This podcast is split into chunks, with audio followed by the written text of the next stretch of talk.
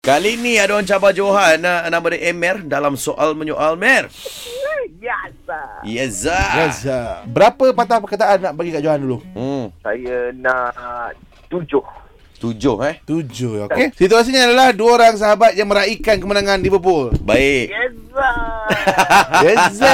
Budak dari Liverpool kan? kat ni. Baik, uh, 3 2 1 spontan era.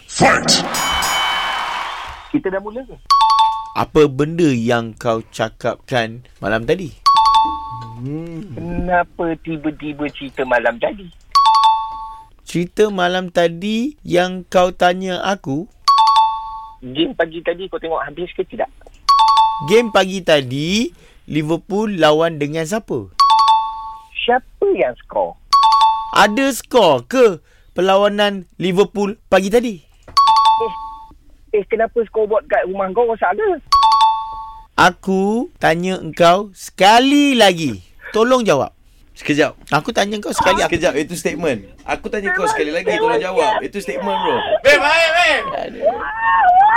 Kau bagi statement dulu baru sen- soalan.